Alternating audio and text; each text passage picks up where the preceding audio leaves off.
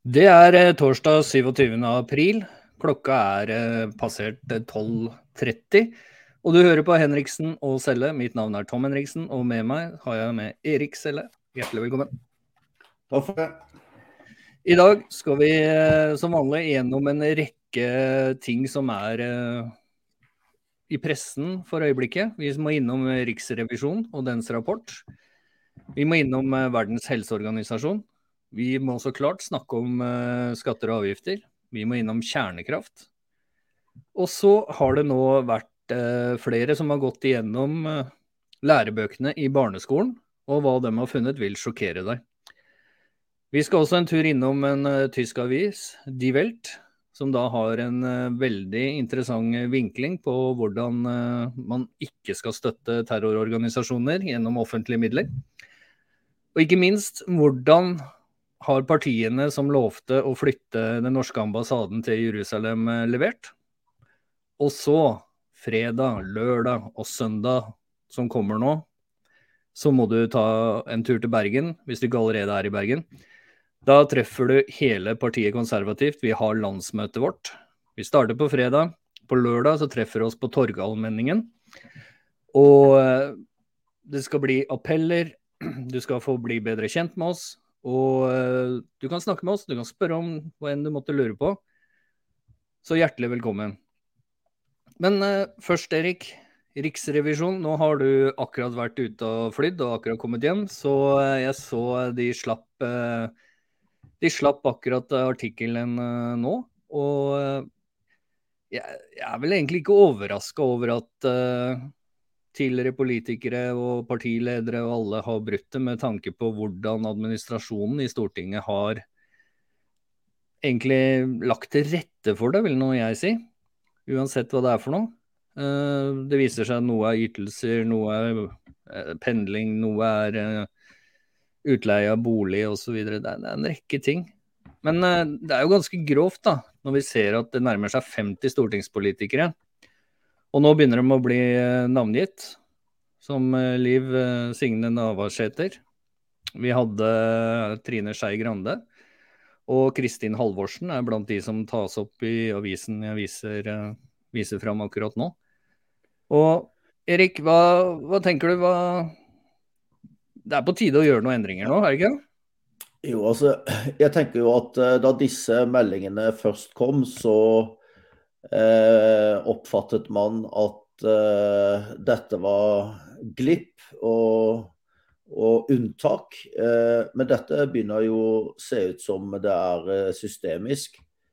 Eh, og jeg tenker at eh, dette er jo politikere som har et, laget et lovverk hvor vanlige trygdemottakere og Nav-mottakere som skulle gjøre noen små feil i forhold til eh, systemet ender opp i rettssaker. Og vi har til og med EØS-skandalen bak oss, hvor folk har uh, sittet urettmessig i fengsel uh, for, for, denne type ting.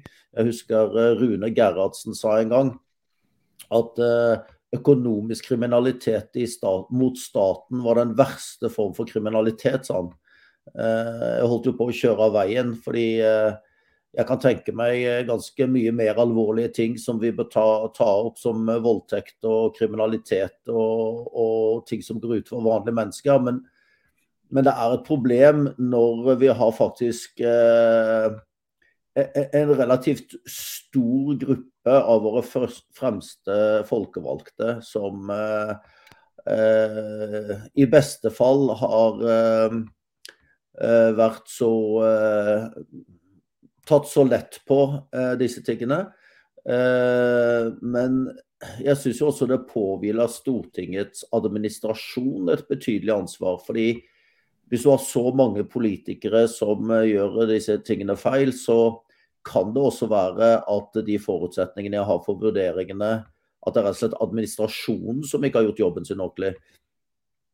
Eh, men det, det, tar seg ikke ut at folkevalgte som lager så strenge lover som vi har i Norge rundt disse tingene, eh, selv blir tatt med så mye ting. Og eh, det var i, i, går så var det jo en artikkel om Haja Tajik som ja, hun bare betalte tilbake. Og så man bare betaler tilbake. Og det er greit det, hvis det er det nye prinsippet, at uh, man betaler tilbake. Men da har jeg ikke lyst til å se så mange rettssaker mot trygdemottakere eller næringslivsledere uh, som har gjort noe feil, hvis alternativet er å betale tilbake. Man kan jo prøve selv å ringe skatteetaten og spørre kan jeg få betalt tilbake jeg gjorde en feil som bedriftsleder, og se hva som skjer. Så har og nødvendige regler som kanskje er laget i i forhold til styreansvar og sånne ting, så, så, så henger liksom dette ikke helt, eh, helt, på greip. Og det vil forsterke, tror jeg, eh, oppfattelsen av en elite som er hevet eh, over loven. Det vil forsterke en oppfattelse av at det har blitt større skille mellom vanlige folk og spesielle folk. og det er en indikasjon på, på en måte, at vi er eh, på vei som et land til å bli et land vi ikke sammenligner oss med. Så absolutt. Men jeg opplever vel at noe av den rosenrøde selvforståelsen av Norge sprekker. Og jeg tror det er nødvendig at den sprekker for at vi kan eh, være ærlige mot oss selv som nasjon. Eh, kanskje mer ydmyke når nordmenn er ute i verden og er selvrettferdige eksperter på alle andres problemer og utfordringer. Vi har, eh, vi har eh, barnevernssaker som står i kø i Strasbourg. Vi har tosifret antall dommer mot oss eh, i europeiske menneske, menneskerettighetsdomstolen for, for, eh, for, feil og overgrep fra barnevernets side. Eh, vi har justismord egentlig eh, på rekke og rad i det norske rettssystemet. Eh, Viggo Kristiansen bl.a. Vi har, vi har ganske mange forhold i Norge som gjør at vi nå kan legge bort den følelsen av å være verdensmester i fred og verdensmester i rettferdighet. Å være ærlig mot oss selv og, og tatt disse tingene på alvor. For Hvis ikke vi tar disse problemene på alvor, så vil det ikke bli noe bedre. Da tror jeg det bare vil forsterke seg. Og Nå er det veldig veldig viktig at, eh, at det ryddes opp i dette her. Og det må ryddes opp på en måte som, som, som oppleves rettferdig i forhold til hvordan disse menneskene selv har laget lovverk som rammer mennesker i samfunnet som, som gjør det samme. da. Ja, og, og det, det, går jo nedover i fylkene og kommunene. ikke sant? Altså, dette er jo ikke noe unikt. sånn sett for bare Stortingets politikere. ikke sant? Altså Dette lovverket, regelverket man har laget for seg sjøl. Uh, eh, spesielt dette med etterlønn uh, osv. Det, det går nedover hele systemet. Så skal du gjøre noe med det, så må du begynne med å velge inn de riktige folka på kommunenivå, de riktige folka på fylkesnivå, inntil vi får lagt ned fylkeskommunene, og på Stortinget i 25. Så veldig mange er sånn nei, men det er bare de på Stortinget som betyr noe. Nei, alle folkevalgte betyr noe i landet vårt hvis vi skal få til en endring. Så Derfor er det så viktig i de årene vi har lokalvalg, gå ut og stem og bli med på å gjøre en forskjell. En reell forskjell, for å si det sånn. Og den forskjellen kan noen ganger ende i uh, overnasjonale avtaler. Og det, det, skal vi komme tilbake til, men du hadde en kommentar her nå, Erik? Ja, og så har jeg bare lyst til å skyte inn at uh, altså Norske politikere elsker eh, byråkratisk og økonomisk kompleksitet i regelverket. Yes. Og det er klart at uh, Både bedriftseiere i små og mellomstore bedrifter og vanlige mennesker klør seg noen ganger i huet.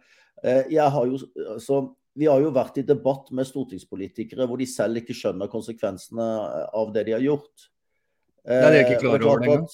Nei, og hvis man lager et så komplekst system fordi man egentlig er drevet av janteloven i forhold til økonomisk politikk, ehm, så, så, så, så, produserer man på en måte hva skal jeg si, lovbrytere da. Men når det gjelder Stortinget, så bør det jo ikke være så vanskelig å vite hvor du bor, f.eks. Og det er jo det, Nei, som, altså... Eh, det, er det som er eh, det bekymringsfulle i dette. at at regler for eh, etterlønn eh, bør være relativt enkelt å forstå. Eh, å vite hvor du bor bør være enkelt å forstå. Altså Har du kone og barn i en villa i Oslo, så så, så, er det liksom søkt å oppgi barndomshjemmet et eller annet sted i Norge som din faste bolig, liksom. Så, og det er jo det som er mest bekymringsfullt her, tenker jeg. At, at det viser noen noen alvorlig vurderingssvikt for de som skal, skal, bestemme over Norge og, ha, og, og sitter med retten til å lage lover for oss andre. Helt riktig. Så her må det ryddes opp en gang for alle, sånn at det kan gjenskapes tillit. For det er ikke noe tvil om at dette, dette river grunnen under respekten og tilliten til vår fremste nasjonale institusjon, nemlig Stortinget. Altså Når du lager lover for å selv bryte dem, så burde det ringe en bjelle i hodet ditt at dette her bør vi ikke vedta. For hvis du på Stortinget vedtar noe du selv ikke har tenkt å følge, men tenkt å utnytte f.eks. et lite smutthull som å oppgi postkassen hjemme hos mamma og pappa, så veit du allerede da at denne loven har ikke noe for seg. Kutt den ut. Istedenfor så velger man å gjøre det, så blir man avslørt, og så får man problemer, så må man gå av, og så blir man tatt inn igjen i varmen etter et år, som Haja Tajik. Og um, det er litt skremmende at hun da kan avsløres så veldig som hun eh, er blitt, og samtidig være aktuell for å være den arvetakeren etter Jonas Gahr Støre. Eh, det bekymrer meg lite grann, for én ting er at man skal tilgi eh, osv., men jeg kan ikke se at hun på noe som helst måte har tatt selvkritikken hun burde ta. Og det gjelder veldig mange av de på Stortinget. Man, man, man går ut og beklager fordi det er det man skal, men de tar ikke en selvkritikk og sier dette er ikke greit, vi må gjøre en endring. Man bare beklager at jeg utnytta smutthullet, beklager at jeg ikke skjønte lovverket jeg selv har bestemt.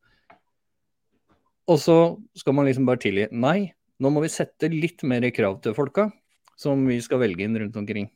Og jeg håper vi gjør det allerede i år. Det var eh, dagens tirade, så fall mot uh, stortingspolitikerne. Og vi, vi, kan jo ikke helt gi slipp på dem, fordi uh, Verdens helseorganisasjon og nå er vi vel egentlig litt på eh, regjeringsnivå i diverse land.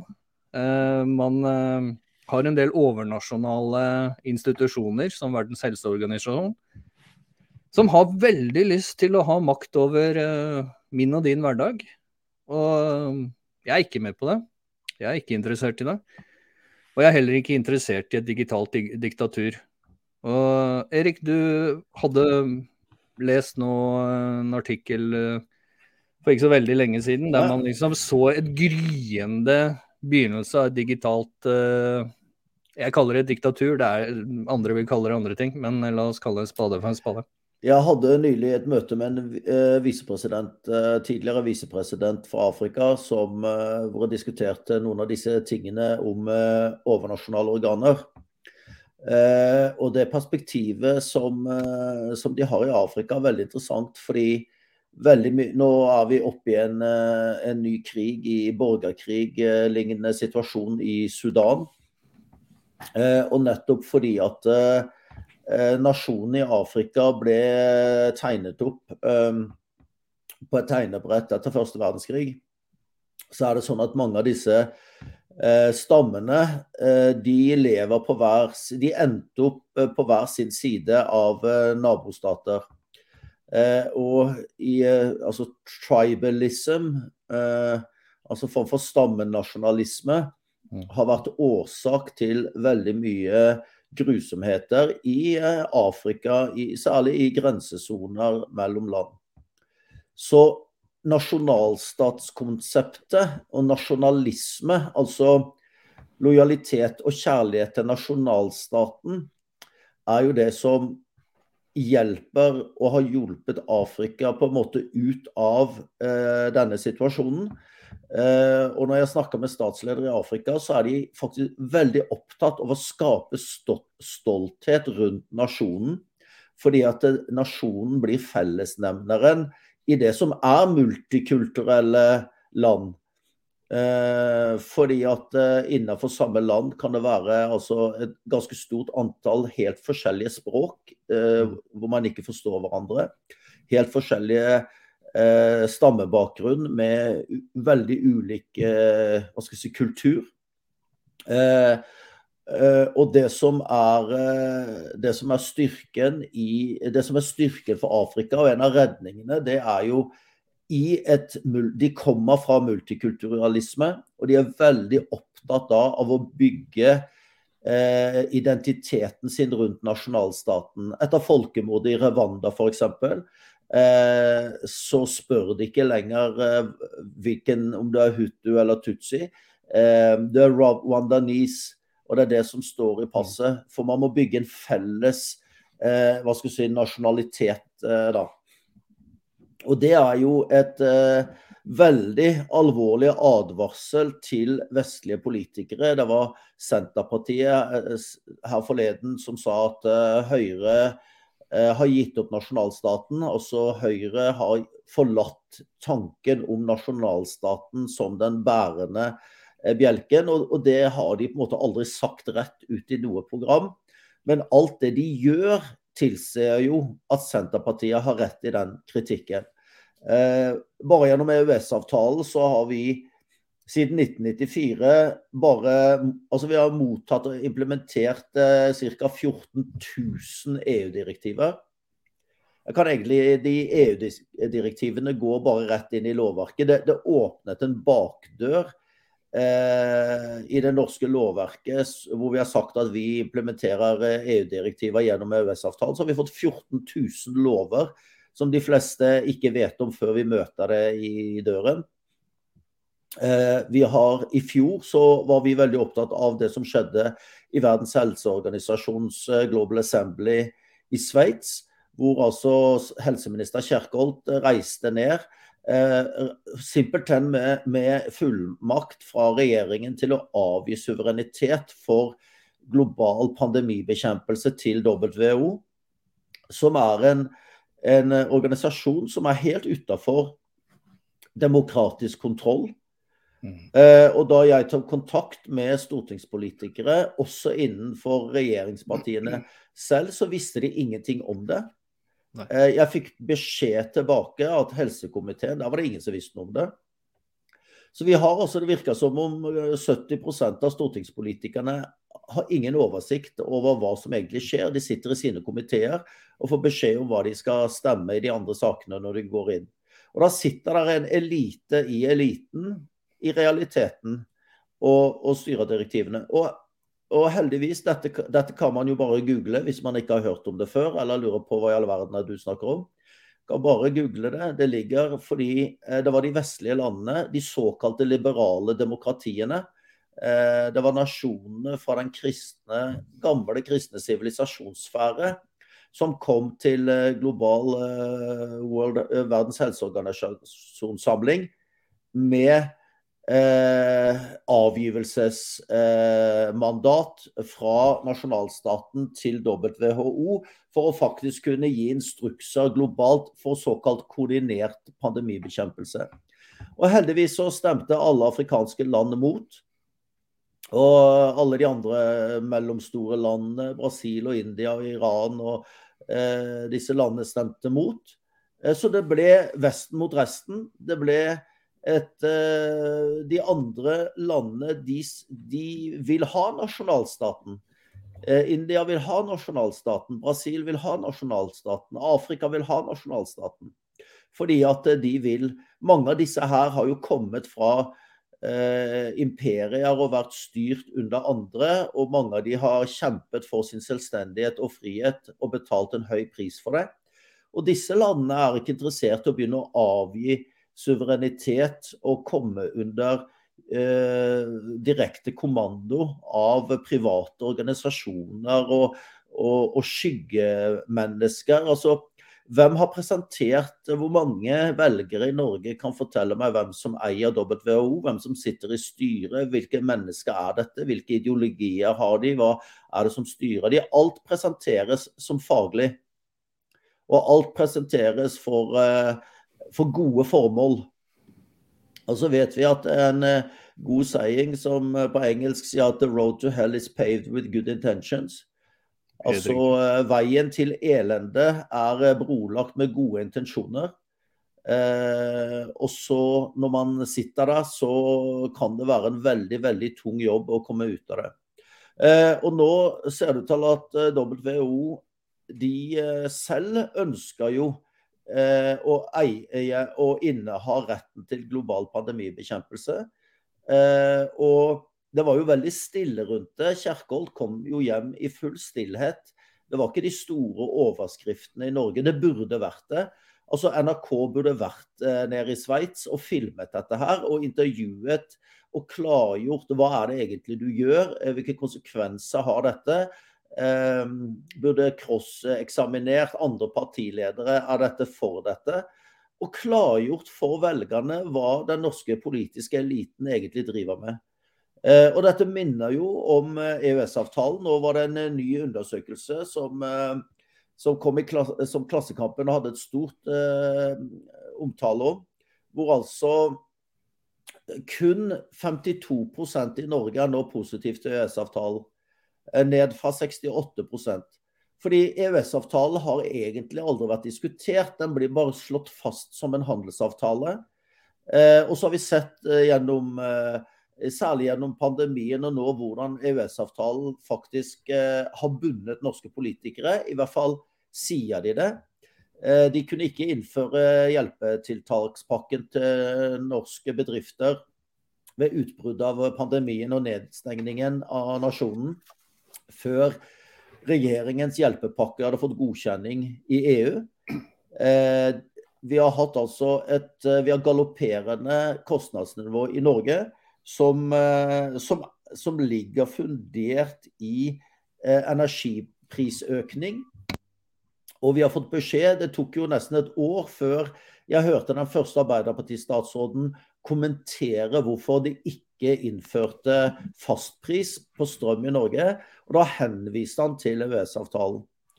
Og Det viser jo også at Gro Harlem Brundtland, som kom og sa at nå har vi en handelsavtale som redder næringslivet i Norge, det er en suverenitetsavståelsesavtale hvor vi mottar direktiver fra EU og avgir myndighet til EU. Det er en veldig dårlig avtale. Det er en husmannsavtale som undergraver bit for bit og år for år eh, den norske suvereniteten og selvråderetten. Eh, og vi er ikke interessert i dette her. Eh, FNs migrasjonsavtale er akkurat det samme. Før avtalen ble signert, så ble det sagt at dette dette var ikke bindende. Og etter at den var signert, så ble det sagt at dette er forpliktende. Ikke sant. Og det er jo det som er globalismens vesen. Eh, under politikere som Erna Solberg og Espen Barth Eide og, og, Astrup i Høyre og Jonas Gahr Støre og, og, alle disse andre politikerne.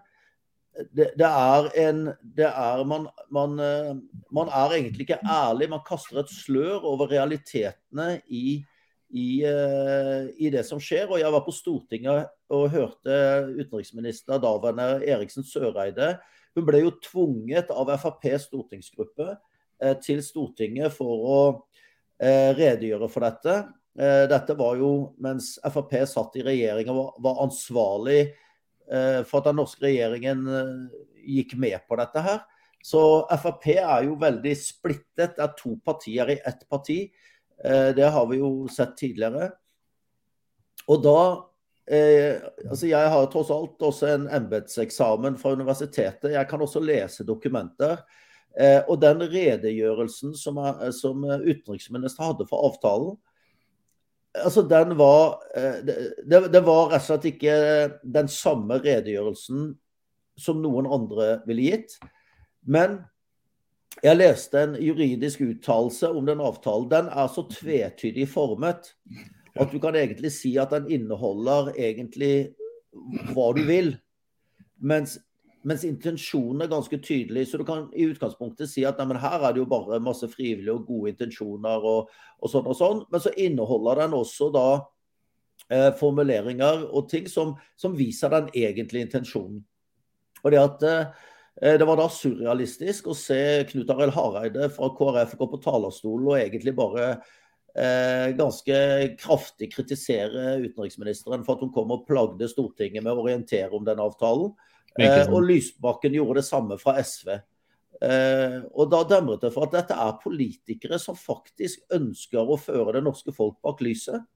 Um, og det er den, den, ene overnasjonale avtalen etter den andre. Eh, for jeg tror de vet at det norske folk sa nei til EU to ganger. Jeg tror disse politikerne, globalistene, har stor, eh, et stort problem. Og det er egen befolkning. For det er en veldig sterk, eh, positiv nasjonalisme i Norge. En veldig sterk kjærlighet til nasjonen. Det har i hvert fall vært det. Eh, men når man hele tiden kommer med drypp eh, som bryter ned eh, fedrelandskjærligheten, da, så legger du grunnen for å skape en ny virkelighet. Og de, de, gjør det ikke åpent, men de gjør det i små biter. Man avgir suverenitet. Til slutt så kan man egentlig bare gå hjem og slukke lyset i Stortinget, for det er egentlig ikke noe vits uh, å sitte der. For de er, de er ordremottakere. Og det verste er at de avgir ikke suverenitet heller til demokratiske organisasjoner som velgerne i Norge har noen innflytelse på. Eh, ikke, ikke, FN, eh, ikke eh, WHO. Eh, Parisavtalen blir vi nå fortalt at vi må rasere norsk næringsliv for å nå klimamålene. Jo, men hvem er det som har bestemt de klimamålene? Jo, det er jo de samme politikerne som sier vi må rasere norsk næringsliv. Eh, når jeg har snakket med folk som jobber i havvindbransjen, altså de sier at det kommer aldri til å bli lønnsomt. Det kom en rapport nå som sier at havvind i Norge blir aldri lønnsomt. Eh, så hvorfor driver norske politikere og hiver penger ut eh, etter vindkraft? Altså Det skulle ikke vært bygget en eneste vindkraftturbin til i Norge. Jeg forstår at man alltid ønsker å finne nye muligheter. Det kalles innovasjon. Men hvis du gjennom innovasjon finner en idé som du ser etter hvert ikke er lur eller lønnsom eller gir deg det resultatet du vil ha, så mm. må du jo ikke få en dogmatikk i at fordi du har funnet på dette, så skal du stå på det. Noe av forskningen i akademia er litt der. Altså Hvis du har drevet 50 år med forskning etter en tese, og du aldri finner den, så er, det, så er det veldig nærliggende for et menneske å begynne å jukse litt for å få det til. For ellers så kan det oppleves som at hele livsprosjektet ditt ligger i ruiner. Nå vet vi, nå kom det også rapporter at deler av Langskip-planen eh, blir ja. Eh, skrinlagt. Og dette har vi sagt hele tiden. Dette Langskipet til Erna Solberg, det er galskap. Det er, det, er, eh, det er, å hive penger ut. Vindkraft, det er helt meningsløst. det vi har, vi har to ting å gjøre. Hvis vi skal pendle litt inn på energien, vi må ta vannkraften ut av det europeiske energisamarbeidet. Eh, fordi selv de som er for dette såkalte grønne skiftet, de må erkjenne at uten mer vannkraft og uten eh, nye kraftverk, så er ikke det mulig. Og vi leverer altså Vi er, vi er Europas største gassleverandør. Vi er, vi er i praksis selvforsynt med vannkraft. Eh, og vi har en unik mulighet som, re, som re, regjeringen nå sa at vi ikke skal forske på, og det er kjernekraft. Eh, og sannheten er at kjernekraft det kan faktisk få ned strømprisene. Det vil ikke ja, altså, ja, altså så lenge man skal fortsette med å sende all kraften vår ut av landet, og vi skal være Tysklands eh, grønne batteri, så, så, er vi jo nødt til å se på løsninger som kjernekraft. Hvis ikke så hadde det jo bare vært å oppgradere turbiner, fjerne enkelte skatter på mindre vannkraftanlegg osv. Altså, vi har en god løsning for Norge, men så lenge vi hele tiden uh, skal løpe Tysklands ærend nå, nå, sier jeg Tyskland, for dem er ganske stor innflytelse i EU. Og, og, og de driver stort sett EU. Og jeg, jeg, blir litt sånn oppgitt over debatten, fordi at uh, en ting, Nå kom de jo også ut, som du sa, den, uh, på, uh, til havs. da, Vindkraft på havs. Der de liksom bare sier dette her kommer aldri til å bli lønnsomt. Det her er egentlig bare tull. og Det skriver næringslivet i sin rapport til regjeringa. Og regjeringa ja, kjempebra, da skal vi begynne å utlyse hvilke felt vi skal begynne å sette opp dette her. Så begynner du å se hva koster dette her. Nei, det vil vi ikke gå inn på. Det vil vi ikke si noe om. Det er ikke vårt mandat. Altså, for lenge siden så kalte vi Jonas Gahr Støre tåkefyrsten. Men nå begynner de andre politikerne å føre sitt eget tåkespråk på Stortinget for å forvirre oss. Fordi at du gir deg liksom lite grann, men ikke helheten. Men jeg tror ikke de skjønner det heller. Nei, det altså, jeg, heller. Jeg tror faktisk ikke de skjønner det. fordi at uh, hvis du skal få endring i norsk politikk, så må du faktisk stemme nye partier. Fordi at Mesteparten av de politikerne som sitter på Stortinget, deres fremste uh, asset er lojalitet internt i partiet. Ja, og når du er tvunget over tid til å forsvare ting som, som ikke gir mening, eh, og forberedelsen din til å gå i debatt er å bli drillet av en, uh, en, en medierådgiver på hva du skal si, og du har et journalistkorps som på en måte er en del av denne galeien, som ikke stiller de spørsmålene som trengs å stilles, så, så får du på en måte et ekkokammer nasjonalt som er veldig farlig. Men det vi ikke har råd til som nasjon, vi har ikke råd til eh, disse eksperimentene lenger. Vi har ikke råd til å, å hive 50 milliarder inn i et langskip som plutselig viser seg at det var ikke så lurt. Vi har ikke råd til å feilinvestere i store havvindprosjekter som blir prestisje, når alle vet at det verken som energibærer eller som eh, økonomisk prosjekt vil være lønnsomt. Vi har rett og slett ikke råd til det. Eh, Befalets Fellesorganisasjon skriver at vi trenger 60 milliarder kroner mm. eh, for å fylle opp ammunisjonslagre og komme à jour i Forsvaret. FFI skriver at eh, det er 30 milliarder underskudd i, i, for å oppfylle inneværende langtidsplan i Forsvaret. Vi har altså nå ser vi begynnelsen på eldrebølgen hvor vi sliter med å få eh, sykehjemsplasser og alderhjemsplasser. Eh, den såkalte velferden som vi har skrytt av, eh, den er i ferd med å rakne. Kostnadsnivået er blitt så høyt pga. alle disse gale investeringene og dette ideologiske grønne skiftet som overhodet ikke er noe grønt skifte at, eh, at, folk som går på trygd, eh, folk som er uføretrygda, eh, handikappede altså Gode, flotte, stolte, sterke mennesker som bare ikke hadde de mulighetene som mange andre hadde til å, til å komme opp i den politiske elite. Som, som lever altså på, på den norske velferdsstaten og skal gjøre det med stolthet fordi vi skal ta vare på mennesker de sliter med å få eh, hjulet til å gå rundt. Altså Det finnes mennesker i Norge nå som eh, frøys i vinter pga. strømprisene. Det finnes mennesker i Norge som spiser ett måltid om dagen for at kanskje barna skal få to. Altså, det, det, er noe dramatisk som er i ferd med å skje, og alt spores tilbake til dette såkalte grønne skiftet. Fordi at det tas eh, politiske valg innenfor energi, og økonomisk politikk som er selvdestruktive. Og det kan vi ikke ha. Og hvis vi da har f.eks. kjernekraft, da, som, som, kan faktisk gi eh, utslippsfri energi stabilt og få energiprisen ned, så bør vi gjøre det. Men da, ikke, da vil jeg høre av norske politikere at de stiller krav til Tyskland. At dere setter i gang egne kjernekraftverk. For det som er skandalen her, det er at man avvikler noe som man har, til å gå til noe man ikke har. Ikke sant. Og så får man krise på krise som en følgekonsekvens av helt vanvittig uansvarlig politikk basert på teser og dogmatikk som ikke holder vann. Og Det er klart det kan være klima, det, det har vært klimaendringer så lenge kloden har eksistert. Og det vil være klimaendringer så lenge menneskeheten fins. Så lenge jorden eksisterer.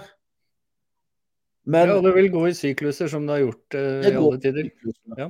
Men at politikere som ikke klarer å få togene til å gå på tid i Oslo, tror at de kan dempe temperaturen på jorden ved å skattlegge nordmenn og kjøre oss økonomiske grøfter det, det, må jo folk slutte å tro på. Ja, altså igjen, eh, det er ganske enkelt. Følg pengene når det gjelder en del eh, politiske ting som blir tredd nedover hodet på oss. Hvem er det, altså Man må stille seg noen kritiske spørsmål, og her er et liksom sånn spark til de alternativene mediene òg. Man må som journalist og samfunnsinteressert spørre hvem er det som tjener på dette, hvordan tjener de på det, og hva er hva får samfunnet tilbake? Hvis man stiller seg de tre enkle spørsmålene rundt en del politikk som bare tres ned over hodet, der du kanskje oppfører at her er noe som ikke stemmer osv., så, videre, så er det veldig lett å se at ofte er motivasjon noe annet enn det beste for nasjonen og deg som innbygger i den nasjonen. Og mye av det som det snakkes om nå, kommer til å koste tre-fire ganger det vi har i eh, Statens eh, pensjonsfond, som da er liksom pengene vi skal leve av. Og hvis vi da fyrer av gårde alt dette her, vi stenger ned olja vår, hva er det vi skal leve av da? Altså, Hva har vi igjen da? Det er ingen land som vil investere i noe spesielt i fjorder og fjell. Altså, Det er ikke noen penger å hente. Vi har ikke noe spesielt naturressurser. Ja da, vi kan ha fisk, men hele landet kan ikke fiske fordi fisk er en ressurs som vi er nødt til å forvalte på en ålreit måte. Uh, vi kan liksom altså, ikke tømme havet. Så, så vi, vi, vi, setter oss på en kurs som jeg er veldig bekymra for, Erik. Ja, og Hvis vi skal ha noe håp og, noe, og, og bli noe annet i fremtiden enn en råvareleverandør av energi til Europa og andre steder, så må energiprisene ned. Det har jo vært vårt komparative fortrinn. Det har vært konkurransefordelen vår. at vi har, For vi er et høykostland, men vi har hatt lave energipriser. Eh, og følgekonsekvensen av at konkurranseutsatt, eh, altså kraftkrevende industri, sliter, eh, det er jo at drømmen, altså drømmen om å kunne begynne å foredre, foredle og produsere ting i Norge, den drømmen er jo fjernere enn noen gang fordi at kostnadene går i været. Så, så, det er hjørnesteinen, rett og slett er fundamentet for en politisk altså oppgave det er, det er, ikke å sitte og lage nye lover og ta inn 14 eh, 000 direktiver. Altså Oppgaven til politikerne det er først og fremst å legge til rette for at vi har et sterkt forsvar, at vi har et godt politi, eh, at vi har et godt helsevesen, at vi har billig energi. Det er en helt fundamental forutsetning. Hvis du ser på Paris, I Parisavtalen så har vi altså meldt inn ekstremt høyt ambisjonsnivå på å redusere CO2. Mens Kina har meldt inn at vi skal toppe utslippskurven vår innen utgangen av dette tiåret. Ja, og helt til 2050. Ja. Altså, så snakker folk om som Ja, det, det ja, ja. Ok, det er alle har meldt inn. altså Alle har mål. Så da, nå må alle oppfylle sine mål. Eh, ja, eh, Kina skal nå toppe utslippet, mm. mens vi skal strupe industrien. Eh, og så kommer politikerne hjem fra Paris og begynner å snakke om det uten å snakke om disse tingene. Og journalistene svikter sitt oppdrag i å klargjøre for borgerne og velgerne og avisleserne og TV-seerne hva dette egentlig er, og hva er det Kina har gjort i Parisavtalen, eh, hva er det India har gjort i Parisavtalen. Eh, og I tillegg så har man en ny eh, klimakonferanse i Egypt, hvor resten av verden krever et fond som skal betale for å håndtere det de sier er klimakatastrofer. Altså Det er alt mulig, det.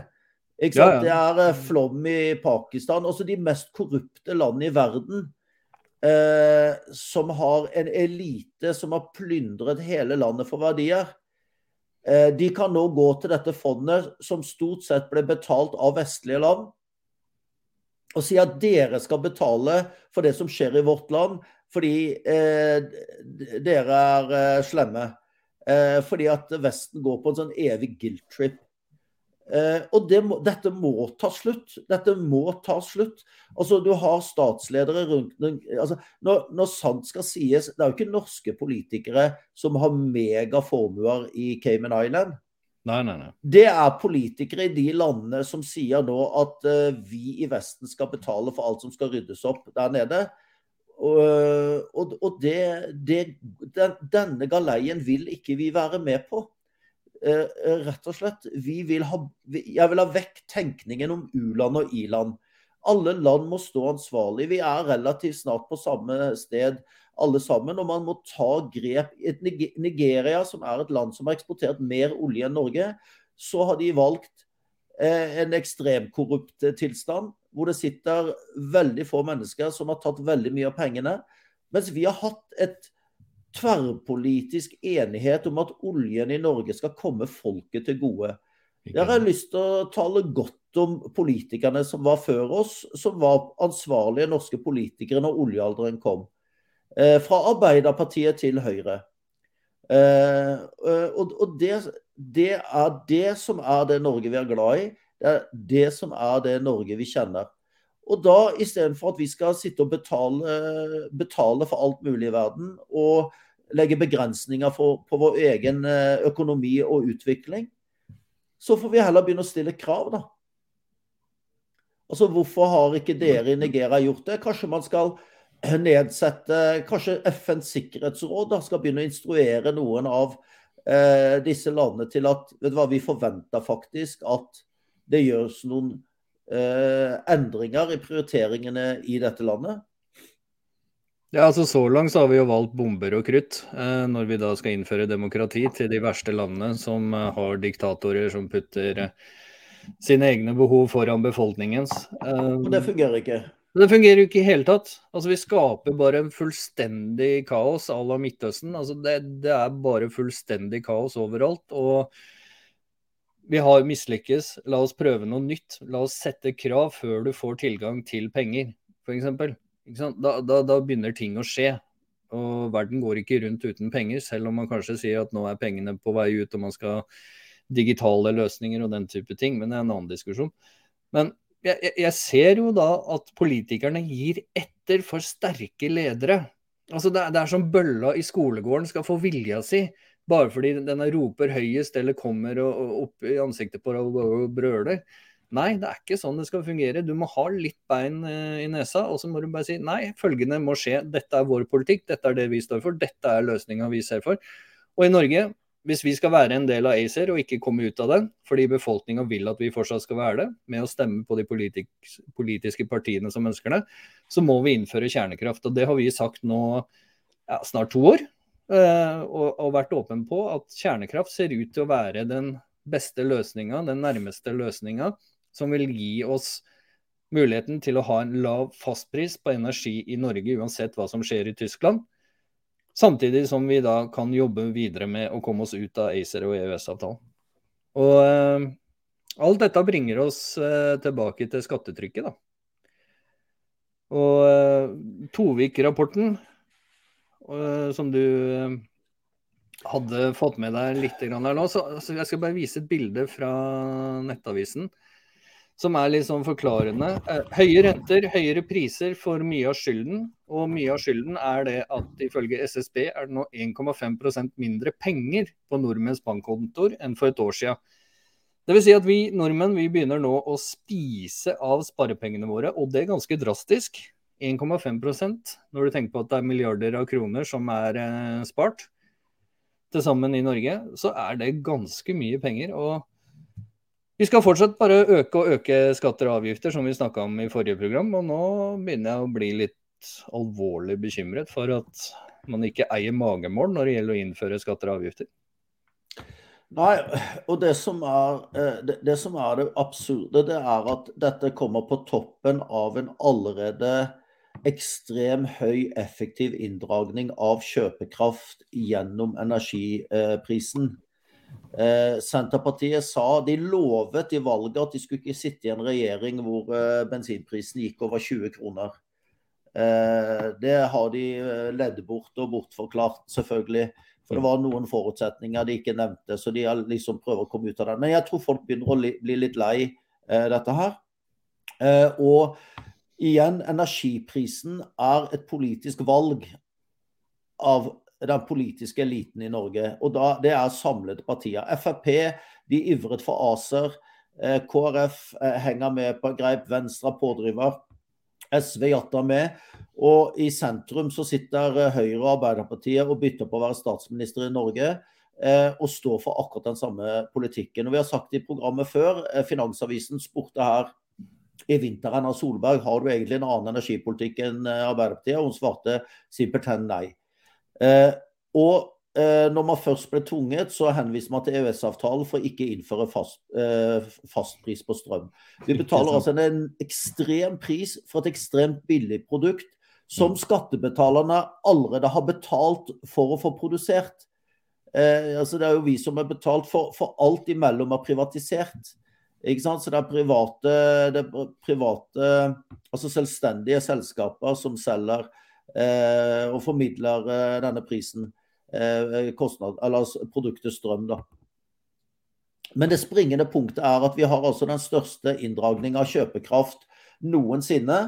Og så har vi et Torvik-utvalg, eh, som er eh, altså et eh, skatteutvalg som har lagt frem. Og det, de forslagene der eh, altså det, det, er som altså det er en, Egentlig så hadde du kunne tro det var en dårlig spøk.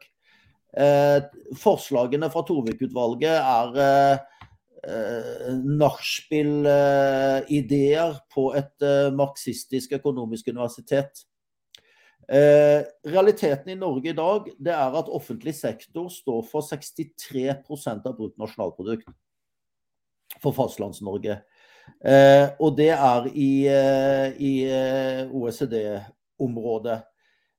og Det betyr at vi har en så stor sektor at den kveler veksten i privat sektor. Den prosentandelen må ned. Og jeg sier dette bare for å sette ting litt i sammenheng. Første kvartal 2023 var det 40% flere konkurser i Norge enn tilsvarende kvartal i fjor. Og bekymringen min er at store deler av disse konkursene kommer i små bedrifter med to, tre til fire ansatte. Det er liksom siste rest av det frie næringslivet i Norge, når du ser det i sammenheng med den store andelen eh, offentlig ansatte i Norge. Så har vi fått en skjerpet formuebeskatning i Norge. Eh, vi har fått forhøyet arbeidsgiveravgift, vi har fått høyt utbytteskatt med regjeringen Støre og Senterpartiet. Eh, og så kommer faktisk dette Torvik-utvalget og foreslår skjerping av formuesskatten. Eh, I tillegg har du jo eiendomsskatt. Jeg har, tillegg... jeg har bare lyst til å vise denne her, fra, for nå fant jeg presentasjonen, og det er Torvik. Jeg beklager det i innledninga. Eh, det, det, har vært diskusjon om skatt på bolig. Jeg var i en krangel på Twitter der jeg sånn, Å nei, dette er ikke på trappene. Jo, det er på trappene, og det kommer fram i denne rapporten, og den ligger på regjeringens bord. Jeg ville bare skyte inn det, så da kan folk som ser på podkasten også se utvalgets uh, innstilling. Ja. Og I tillegg til dette så foreslår man da, i tillegg til eiendomsskatt, og i tillegg til formuesskatt, og i tillegg til alle de skattene og avgiftene du har betalt for å bygge det huset ditt osv., så, videre, så kommer det nå et forslag om altså en fordelsskatt, altså en skatt på bruk av egen bolig. Mm. Og dette er jo egentlig, Du kunne jo like gjerne samlet bare alt i én skatt, og så, og så lagd et kjempebeløp. Eh, og jeg vil anbefale alle bedriftseiere i Norge til å melde seg ut av NHO og melde seg inn i Bedriftsforbundet. For NHO de gikk inn for utenlandskablene. Og de fremste lederne av NHO sa at dette ville ikke berøre prisnivået i eh, Norge på strøm. Og NHO går også inn for skatt på bruk av egen bolig. Og Øystein Dørum, sjeføkonom i NHO, altså han skjønner faktisk ikke ironien engang når eh, han blir spurt om eh, hvis du skal ha skatt for fordel av bruk av egen bolig, eh, kan du ikke da like gjerne si at da skal du ha det på bilen òg? Eh, og da svarer han faktisk i prinsippet kan man utvide dette til å gjelde andre eiendeler. Altså Da har NHO blitt en organisasjon som ingen bedriftsledere bør ha noe med å gjøre. Eh, konsekvensen av dette her eh, har bl.a. Finansavisen eh, tatt, eh, tatt, mye opp. Men eh, hytte, hyttekulturen i Norge eh, Størstedelen, gjennomsnittsalderen på hytteeiere i Norge er 62 år. Det er ikke turbokapitalistene fra Aker Brygge som er de som har flest hytter i Norge. Det er helt vanlige mennesker. Det er pensjonister mange med nedbetalt uh, hus og har prøvd å sikre alderdommen så godt de kan. Det er uh, lærere og politifolk og sykepleiere. og offiserer som kanskje har arvet en hytte. I Norge har vi tradisjon for at hytter har gått i generasjoner. Og eh, formuesskatten når, eh, når formuesskatten på hus og hytte skal settes av markeds, den rådende markedsverdien, så vil det simpelthen kunne bli sånn at eh, man har ikke råd eh, til å arve eh, til å arve hytte og hus. Eh, de gjorde en undersøkelse bare ute på Bygdøy, hvor det altså bor faktisk ganske mange mennesker som ikke er en del av finanseliten i Norge. Eh, som har helt vanlige jobber, som har arvet hus eller kjøpt det for lenge siden. Det kan jo være du kjøper et hus. Det har vært mange tilfeller du kjøper et hus i et område som når du kjøper det, faktisk er lav markedspris. Og så legges det kanskje infrastruktur eller andre ting som gjør at når du har nedbetalt det huset, så har markedsverdien gått i taket. Da kommer staten og skal kreve deg for en enorm sum for å bo i huset du har spinket og spart og nedbetalt hele livet. Eh, og når vi får et skattetrykk som gjør at folk eh, ikke kan bo lenger, ikke har råd til det. Altså, du har et hus som eh, Kanskje du tjente veldig godt en periode av livet ditt, så du fikk kjøpt et hus, og kanskje du valgte å betale veldig mye ned på det huset når du tjente godt. Kanskje du blir uføretrygdet og får en helt annen inntektssituasjon. Da er det ikke statens krav til dine likviditeter som skal avgjøre eh, hvor du kan bo. Og det må altså være mulig å arve hus og hjem i Norge uten at uh, du skal bli måtte komme på leiemarkedet fordi staten krever så mye penger av deg at du har ikke råd til å bo der. Og Det disse marxistøkonomene må forstå, det er at bundet kapital er ikke likviditet. Det sunne og naturlige i alle skal betale skatt. Selvfølgelig skal vi betale skatt. Men vi må ha en skattemodell og et skattetrykk som folk opplever rimelig. Det må være en samhandel Det må være liksom samstelle Det må være en sammenheng mellom det du må betale i skatt og det du får igjen. Og det må heller ikke være sånn at du føler at uh, staten er en omvendt Robin Hood. Noe den i praksis er i dag. Noe de faktisk i praksis eh, er i dag. Og jeg tror at uh, igjen, i alle disse sakene, vi har fått et politisk system for, for, for sånn partinomenklatur. Yes. Eh, frem til 2003 så kunne du stemme Du kunne stryke folk på stortingslisten. og eh, Grunnen til at endringen kom, det var jo at partiene var frustrerte over velgerne som ikke fulgte oppsettet på listen. Det var ikke de som partiet eh, ville ha, partiledelsen eller de, som, som de ville ha inn som kom inn. Folk hadde en egen mening. Ola på 20.-plass han hadde vært mye flinkere til å eh, kommunisere med folket. Eh, velgerne trodde på han, de stolte på han.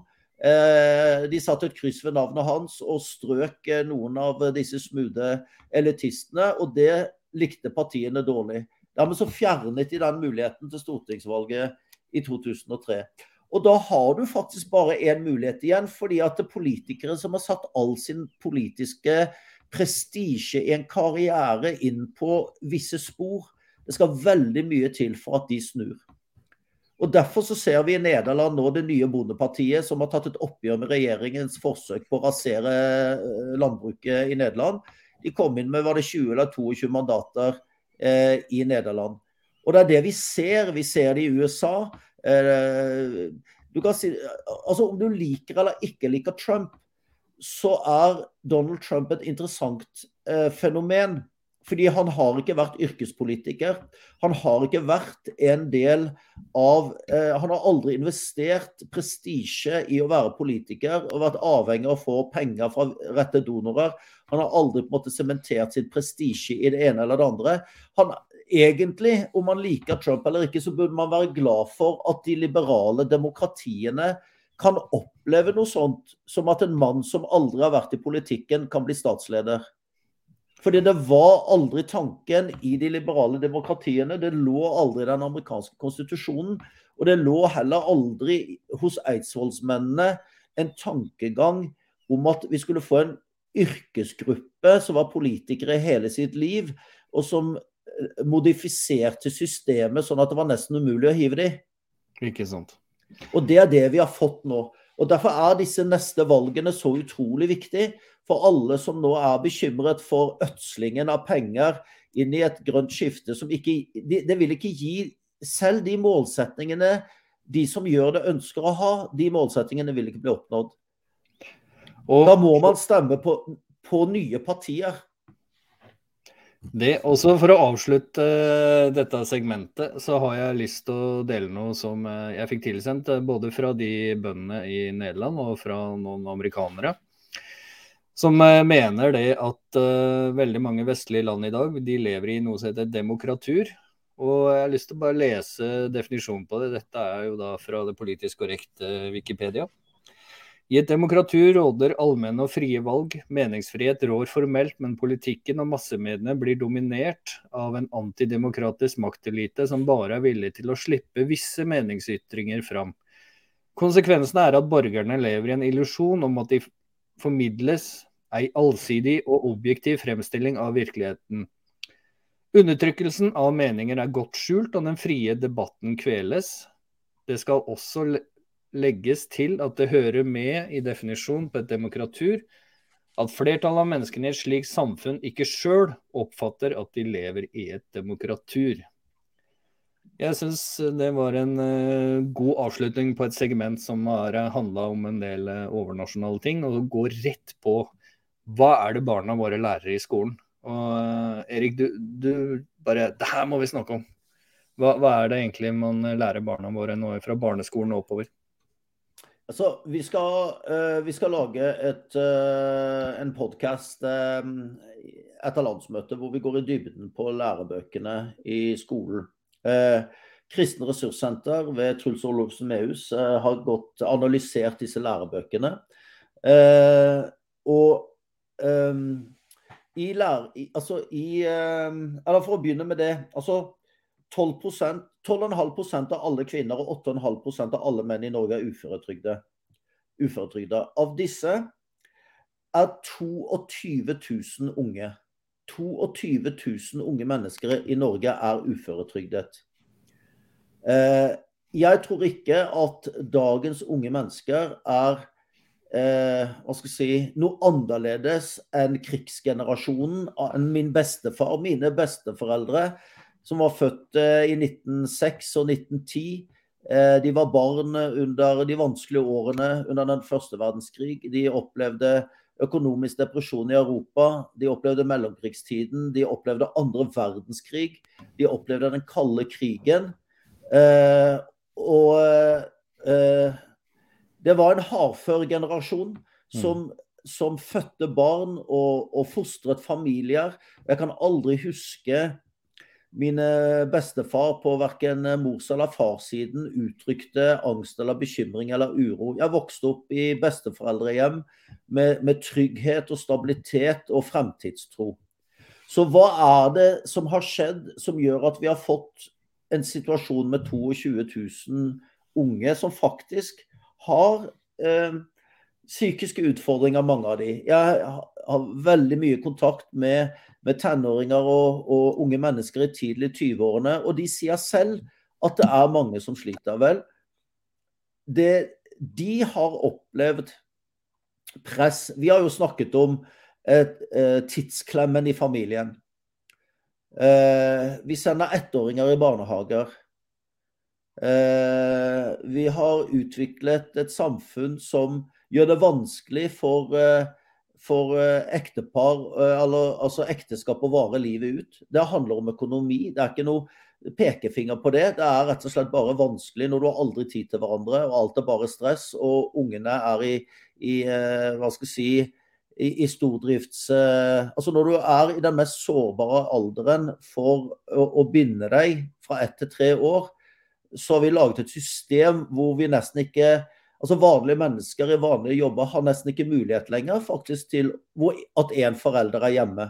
For hele det økonomiske systemet er lagt opp til at vi skal gi fra oss barna til andres omsorg når de er i den mest sårbare tilknytningsfasen. Og da vil vi si at det vil konservativt gjøre noe med. Vi vil legge om den økonomiske politikken, gi friheten tilbake til mor og far, så de kan faktisk velge eh, at en er hjemme, kanskje bytte på. Vi vil ha friheten tilbake. For jeg tror at hadde, hadde støtten til hver barnehageplass blitt utgitt som kontantstøtte til småbarnsfamiliene, så hadde du løst behovet for antall barnehageplasser tvert. Fordi et stort antall småbarnsfamilier hadde simpelthen tatt de 30 000 for to barn og blitt hjemme. Sånn bruker politikerne økonomien for å påvirke valgene til mennesker, og så opplever vi egentlig at vi har ikke noe valg noen ganger til å ta dårlige valg. Så jeg tror at å styrke familien og styrke den økonomiske politikken rundt familien, det er ekstremt viktig fremover, og det vil konservativt gjøre. Men det andre det har over lang tid vært den radikale kjønnsideologien i skolen. Hvor man introduserer ideen om å være født i feil kropp. Og hvis man lanserer den ideen, så åpner det opp for kjønnsbekreftende behandling i lærebøkene. Det, det er rett og slett en form for indoktrinering eh, som skaper forvirring hos barn. Og det handler ikke om at man skal diskriminere eller ikke Man trenger ikke lage doktrine som fører folk inn i forvirring for å si at vi skal respektere alle mennesker. Det ligger iboende i den kristne sivilisasjonen etikk, når alle mennesker er skapt i Guds bilde, at vi skal eh, hva skal jeg si, respektere ditt medmenneske. Men når du har lærebøker som fjerner kritisk tenkning, man, jeg møter elever som opplever at de har motforestillinger mot eh, klimadogmatikken i skolen, mot den nye radikale kjønnsideologien i skolen. Og det tør de faktisk ikke komme med i klassen.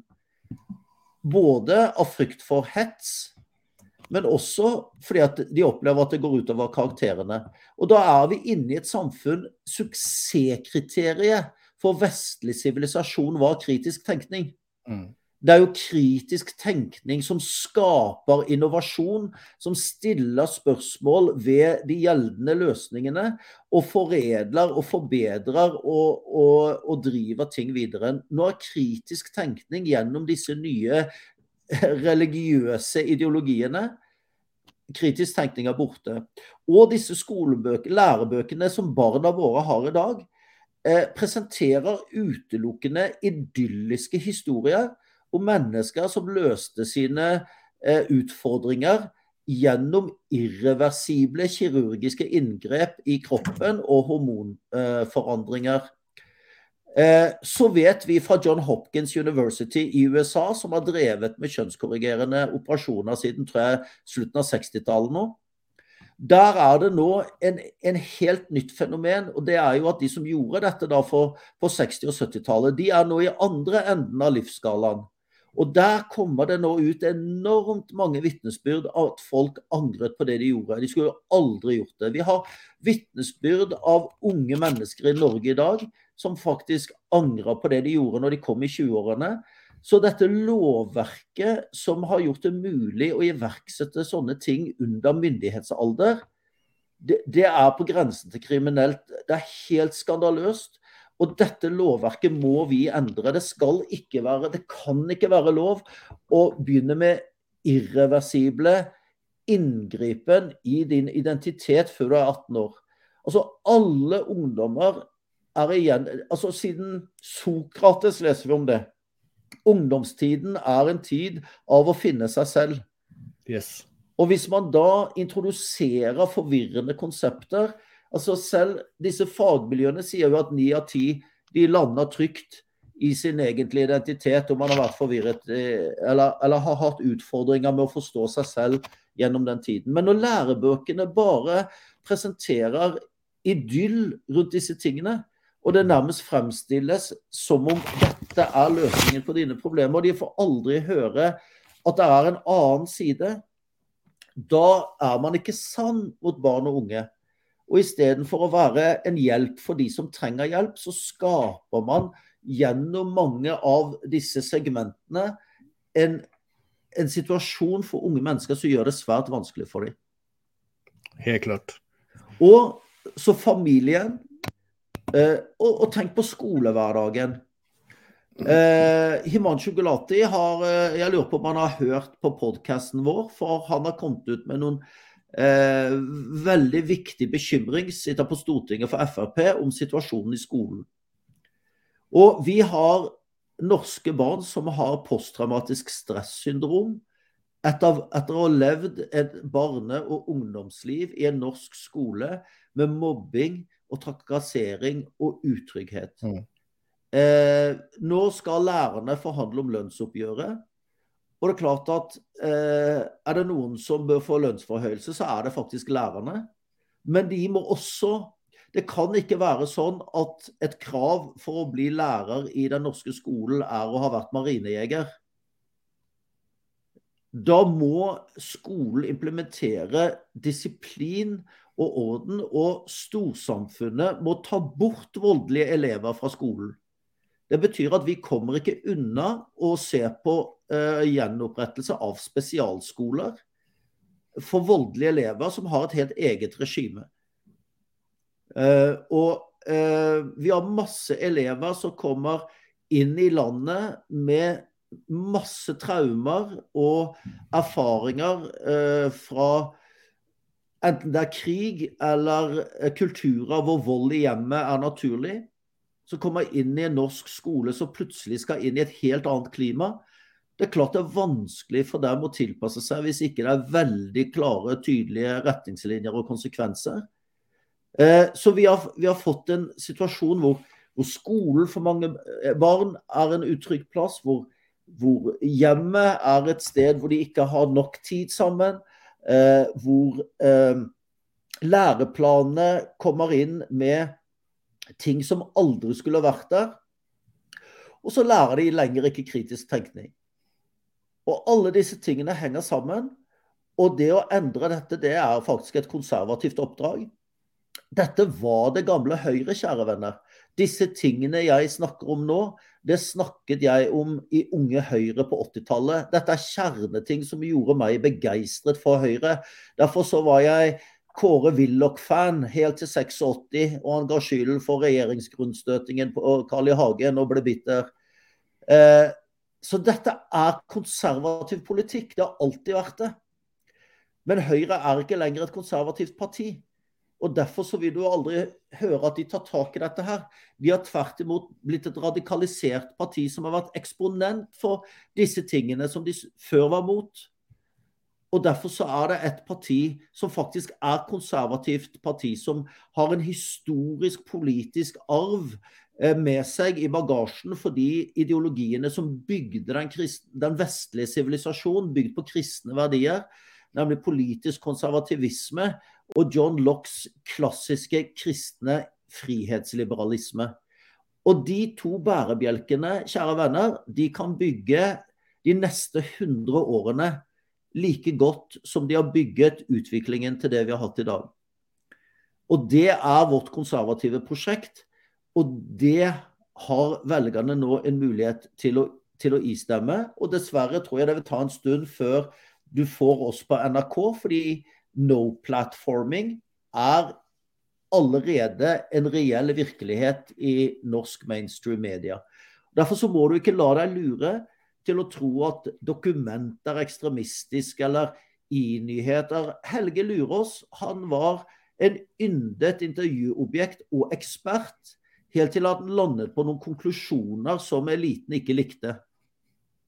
Han er like intelligent som når han var på NRK. Det er bare det at hans intelligens og åpenhet har ført ham til noen konklusjoner som utfordrer makten. Og da ser du han plutselig ikke lenger. Så nye medier, nye partier, dette er naturlig i et vestlig liberalt demokrati. At det vokser frem nye redskaper for nye tider. At det vokser frem nye aktører for nye tider. Det er naturlig. Og de som da vil miste makt, de vil kjempe med redelige og uredelige midler for å holde utfordrerne unna. Og der står vi. Og Derfor blir dette valget, veldig gøy.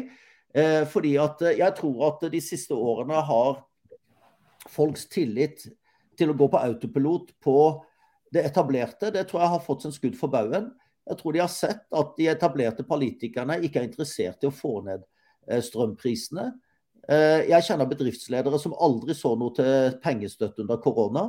Jeg kjenner bedriftsledere som aldri har sett til noe pengestøtte for, for strømprisene. Eh, og de har eh, nedskalert. De er villige til å tjene mindre for å holde eh, bedriften i live. Så hvis disse menneskene skal få bedriften opp å stå igjen, da må de faktisk stemme på noen som vil ha fastpris på strøm. Da Da vil de ha noen som er villig til å åpne opp eh, hemmeligstemplingen av covid-håndteringen eh, umiddelbart, så borgerne kan få innsikt. For myndigheten kan aldri kreve tillit. Altså De samme 50 politikerne som nå er hva skal vi si, eh, poengtert av Riksrevisjonen at de har eh, begått eh, ulovligheter, eller i hvert fall gjort ting de ikke skulle. Det er de samme som krever tillit til myndighetene. Og Sånn kan vi ikke ha det. Erna Solberg kan ikke hemmeligholde beslutningsgrunnlaget sitt og så kreve at vi skal stole på henne. Vi kan stole på Erna, på Erna Solberg hvis vi ser at hun har gjort gode vurderinger på det grunnlaget hun hadde. Men det er lite som tilsier at du bare på autopilot skal ha tillit når du ser konsekvensene. Og Covid-håndteringen kunne vært håndtert mye mer annerledes. Jeg skjønner at de stengte ned med en gang, men så burde man gjort det annerledes. Og i hvert fall burde det vært en åpenhet rundt eh, beslutningsgrunnlaget. Og som vi så i forrige program, Tom, med den boken du presenterte da, så er det altså en magistergradsavhandling i statsvitenskap som dokumenterer at regjeringene fra ulike partier gjennom mange tiår i Norge eh, fører folk bak lyset. Og så nedsetter de såkalt granskingsutvalg, som både da har et utvalg av mennesker og et mandat som gjør at svaret er gitt på forhånd, som da skal renvaske eh, det som da er gjort. Og da må du altså, eh, da må du altså Denne mannen eh, jobbet i Etterretningstjenesten og eh, fikk jo sparken. Han måtte jo slutte, gå over i det sivile samfunn, men endte av en eller annen grunn opp i Arbeiderpartiet som varer til Stortinget. Så makten drar. Så vi har en jobb å gjøre, og den jobben er vi villige til å gjøre. Og jeg vil bare oppfordre til Det er krevende å være velger i dagens samfunn. Vi lever i et informasjonssamfunn med Kanskje nesten for mye informasjon, men også mye feilinformasjon. Eh, så takk til deg som hørte på podkasten. Eh, og jeg oppfordrer alle til å virkelig gå og granske litt det vi sier òg. Eh, og så faktisk google litt det vi sier, og se om ikke det stemmer. Og hvis du finner ut at det stemmer, da vet du hvor din stemme skal gå hen til valget. Helt klart. Og jeg har lyst til å si en ting. Den som sover i et demokrati, våkner i et diktatur. Og det, et av de beste bildene vi har sett i senere år, er uh, nettopp det bildet her fra Fedrelandsvennen og digital pass. Så med det så sier jeg tusen hjertelig takk for at du hørte på oss i dag. Hjertelig velkommen til Bergen i helga. Og ikke minst inviter Erik Selle hvis du vil lære enda mer om hva partiet Konservativt står for og hør på oss igjen ved neste gang. Lik, del, kommentar. Send oss gjerne eh, din mening. Riktig god helg.